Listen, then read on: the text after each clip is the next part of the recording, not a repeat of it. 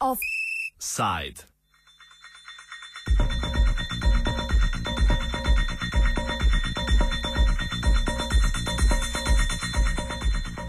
Veliko število kulturnih in umetniških organizacij in ustvarjalcev v nevladnem sektorju je odvisnih od finančnih sredstev, ki jih dobijo prek javnih razpisov. Financiranje za obdobje 2014-2017 naj bi bilo zagotovljeno prek javnega razpisa za izbor javnih kulturnih programov na področju umetnosti. Tudi področje kulture se ni izognilo vse splošnim vladnim rezom in tako so se sredstva za nevladne organizacije na področju umetniških programov in projektov za nevladni sektor v letu 2012 zmanjšala za okrog 25 odstotkov. V primerjavi z rezi na celotnem ministrstvu gre za neproporcionalno nižanje sredstev in to v času, ko je financiranje projektov iz drugih virov zelo težko dostopno.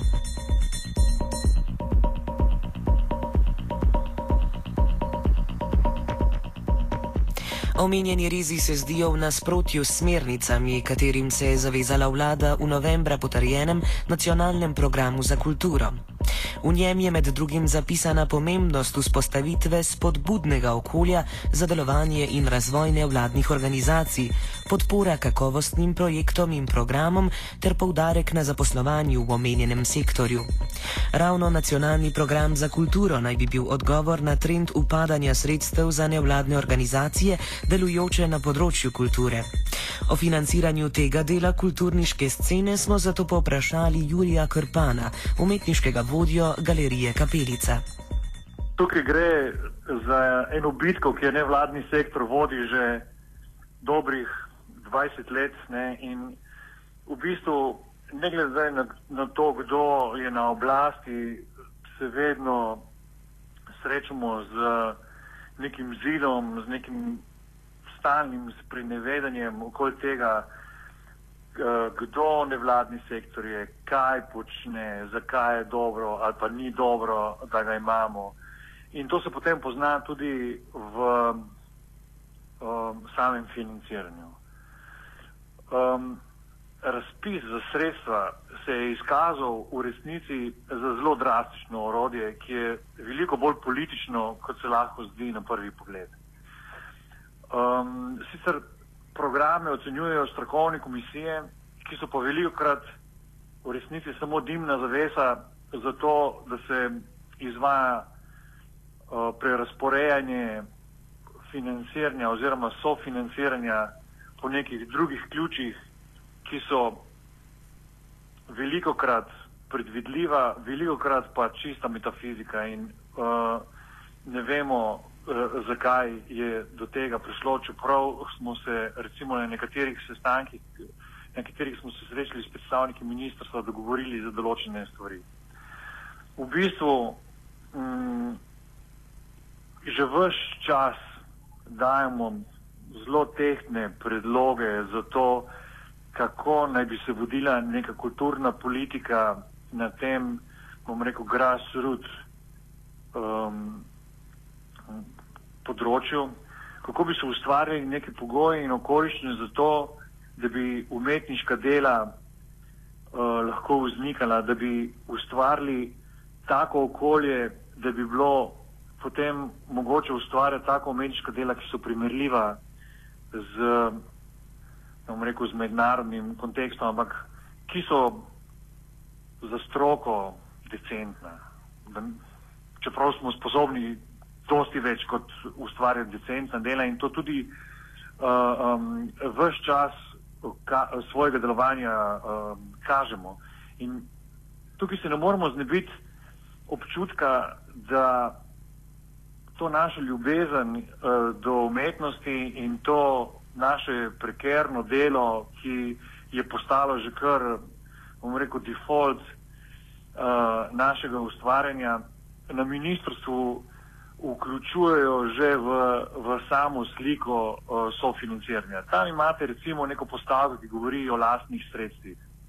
Mislim, če nimaš ti ravno nekega svojega šanka ali pa če ne prodajaš masivno umetniških del lastnih sredstev, tako rekoč ni.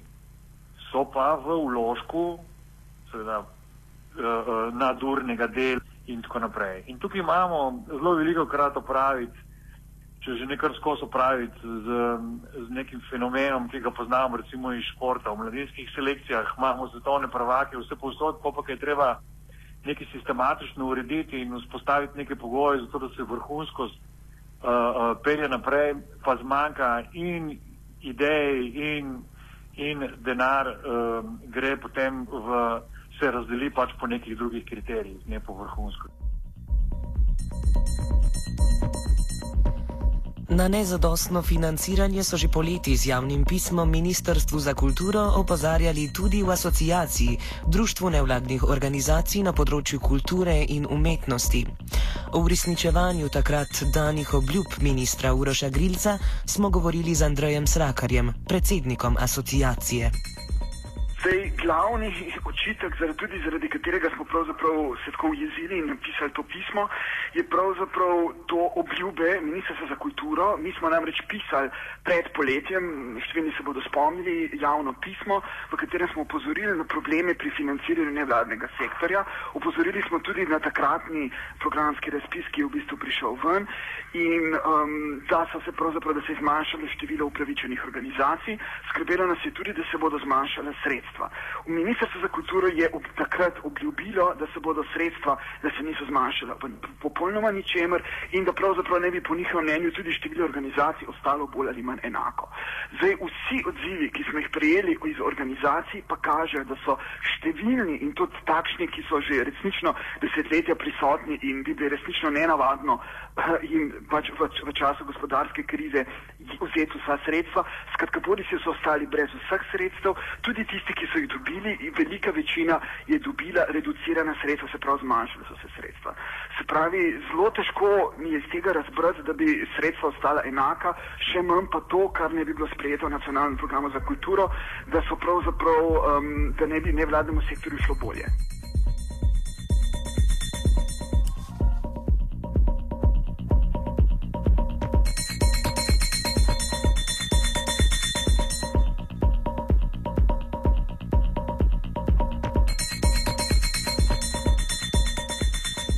Za razburjenje v kulturniških krogih so prve odločitve razpisne komisije, ki počasi kapljajo na prijavljene organizacije. Kar nekaj inštitucijam, ki so v prejšnjih letih lahko računale na financiranje z tega naslova, so sredstva namreč znižali ali ukinili. Julija Krpana iz kapelice smo zato prosili za komentar omenjenega razpisa. Zdaj, čisto specifično, kar se tega programa tiče. Ne, um, je spet tako. V resnici se niso ocenjevali programi, so se ocenjevali posamezni projekti. In to je totalno narobe. To govori o tem, da v resnici ministrstvo ne razume, kaj mi sploh počnemo. Ne ve, da poleg recimo razstav, koncertov, uh, prireditev skrbimo še za izobraževanje, za postprodukcijo, za um, gostovanja, za diseminacijo del, tiskamo stvari, skratka, nagovarjamo to ne, našo javnost na različne načine in jih poskušamo uh, um, pač peljati s sabo, zato ker sodobne, sodobni umetniki stopajo po neraziskanih poteh in zelo veliko krat je pač uh, na delu veliko nerazumevanja, kaj so sodobni umetniki sploh počnejo. Tako da m, mislim, da da so se sprijaznili s količino sredstev, ki so jih namenili za NVO in ta sredstva se neprestano manjšajo, prav že zadnjih recimo deset let, in da so potem razdelili zelo arbitrarno med plerje, za katere se jim bolj ali manj zdi, da bi jih bilo fajn podpreti. Nad načinom izbire projektov so razočarani tudi člani društva Asociacija, govori Andrej Srahar. Jaz bom rekel tako, no, um, sicer smo strani naših članov slišali številne pritožbe, zdaj težko je pravzaprav razbrati, ali se gre pri vsakem razpisu se pojavljajo pač neke zamere pri organizacijah, ki tega ne prejmejo. Je pa dejstvo, da se je veliko članov tokrat pritožilo, da, da stvari, ki so jih dobili nazaj, se pravi um, odzivi oziroma utemeljitve, da so bile po eni strani izjemno kratke, nakazovali so na to, da, da te komisije sploh niso prebrale v bistvu njihovih utemeljitev, njihovih uh, razpisnih dokumentacij in po drugi strani, da so bile mnogo krat celo skoraj da žaljivo, žaljive no, na nek način. Tako da res ne bi želeli spekulirati, ali so pristranske ali ne pristranske, ampak vsekakor pa se pojavljajo zelo različni in čudni, nenavadni odzivi no, pri organizacijah. Še bolj kot za celotno sceno je zmanjševanje financiranja usodno za posamezne akterje na področju nevladne kulture. Juri Karpan nam je tako razkril, kakšen je izkupiček galerije Kapelica iz razpisa in kaj to za njih pomeni. Za nas je to čista katastrofa. Mi smo dobili 25% sredstev manj, kot smo jih uh, uh, imeli v uh, uh, lani, pa že v prejšnjem štiriletnem obdobju so nam jih vzeli 25%. Ne. Tako da na vkljub našim rezultatom, ki so, bom rekel, vrhunski, mednarodno priznani, vse povsod po svetu smo referenca za te sodobne raziskovalno umetniške prakse, tukaj smo pa in ne moramo se znebiti občutka, da smo na nek način kaznovani za, za te svoje uspehe. Mi imamo en zelo pomemben evropski projekt, ki ga moramo peljati in v resnici je izpolnjevanje naših obveznosti do evropskih partnerjev uh, postavljeno pod vprašaj. Mislim, to gre za tako, bom rekel, popolno destabilizacijo in, in uničevanje funkcionalnih sistemov. To je neka sintagma, jo, na, na katero opozarjamo že vsaj od leta 1992 kjer se ti ljudje, ti odločevalci, ki vodijo kulturno politiko, sploh ne zavedajo, kaj mi pravzaprav počnemo. Ne. To ni, da ti nekomu daš eno leto manj, pa ne eno leto uh, več. Če ti nekomu daš eno leto manj, on ugasne, propade in se ne pobere nikoli več. To je ta problem. Zaradi tega, ker je, mi smo v bistvu tako povezani med sabo in tako smo upeti v različne projekte, da je ta rizomatična struktura potem v enem trenutku enostavno neha delati. Ne. In to, da so nas spet potisnili na sam rob preživetja, govori samo o eni popolnoma uh, nepremišljeni logiki, logiki dobrega gospodarja, ki je vlagal v to, da je nekaj zraslo, da je nekaj postalo zares odlično, potem pa odstegne neke osnovne uh, pogoje, uh, ki bi bili potrebni, da se ta odličnost, ne bom rekel uh, samo ohranja, ampak celo nadgrajuje, ker naše ambicije so pač um, veliko večje, kot, uh, so potem, kot so dejansko naši rezultati. In, in se počutimo kot v nekih morastih sanjah, ko se ne moreš obrniti in se ne moreš premakniti z mesta. Iz vsega povedanega je očitno, da ministrstvo ne razume delovanja in pomena nevladnih organizacij na področju kulture. Prispevek in nujnost nevladnih organizacij za splošno kulturno krajino povzame Andrej Srakar. Naj bi šlo v bistvu za najbolj vitalni del tega sektorja, se pravi, um, zdaj s konkretnimi podatki pravzaprav ne operiramo, ker se je že v prejšnjih letih pokazalo, da ni bilo to spremljano redno na sursu, se pravi, da bi točno vedeli razmerje, koliko pro, pro, produkcije v nevladnem sektorju razmerju do javnega, ampak tiste številke, do, s katerimi ki vseeno obstajajo, kakršne koli že so, kažejo, da je nevladni sektor po produktivnosti gotovo na ravni javnega v primerljivem razmerju seveda za številom zaposlenih in tako naprej. Se pravi, ta sektor je tisti, ki prispeva izjemno veliko in predvsem predvsem pa jaz mislim, da je pri nas v Sloveniji značilen ta močno razvit nevladni, neodvisni sektor na tem področju.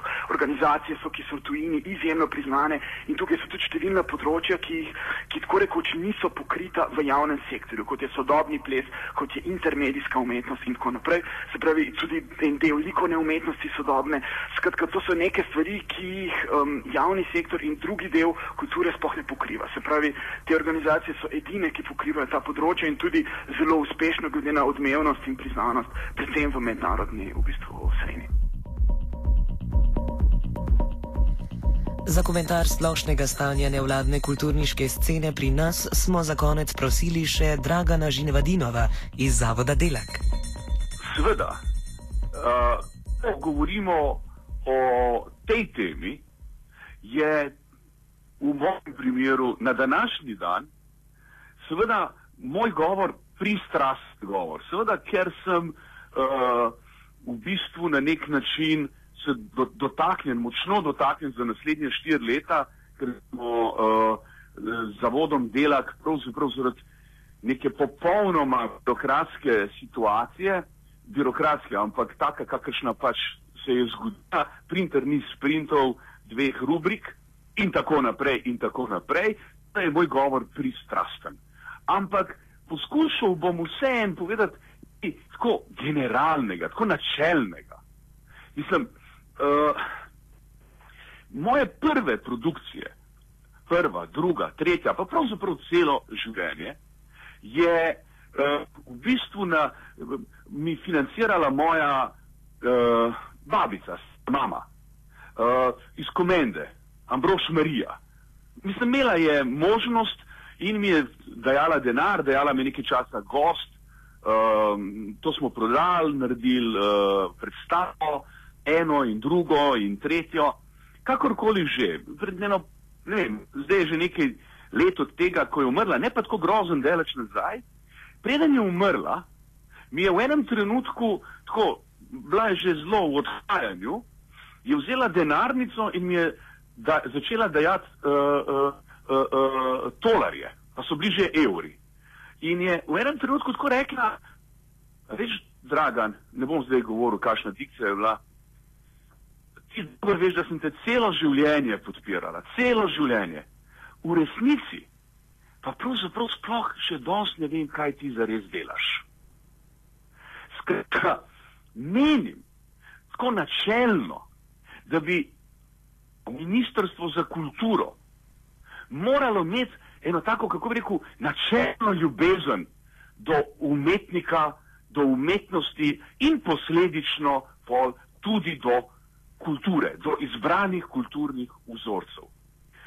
Pravzaprav ta, kako bi rekel, s tem seveda, da Ministrstvo za kulturo zelo ima možnosti, da razume, kaj počne umetnik oziroma kaj počne tisto polje, ki mu rečemo proizvodnja umetnosti. Ne govorim pa o izboru kulturnih vzorcev, vse zato so pa pravzaprav plačani in hodi visoke šole. Uh, to je to. Offside so pripravili Zala, Žiga in Jaša. Oh. Oh. Oh. Oh. Oh. Oh. Oh. Oh. Oh. side.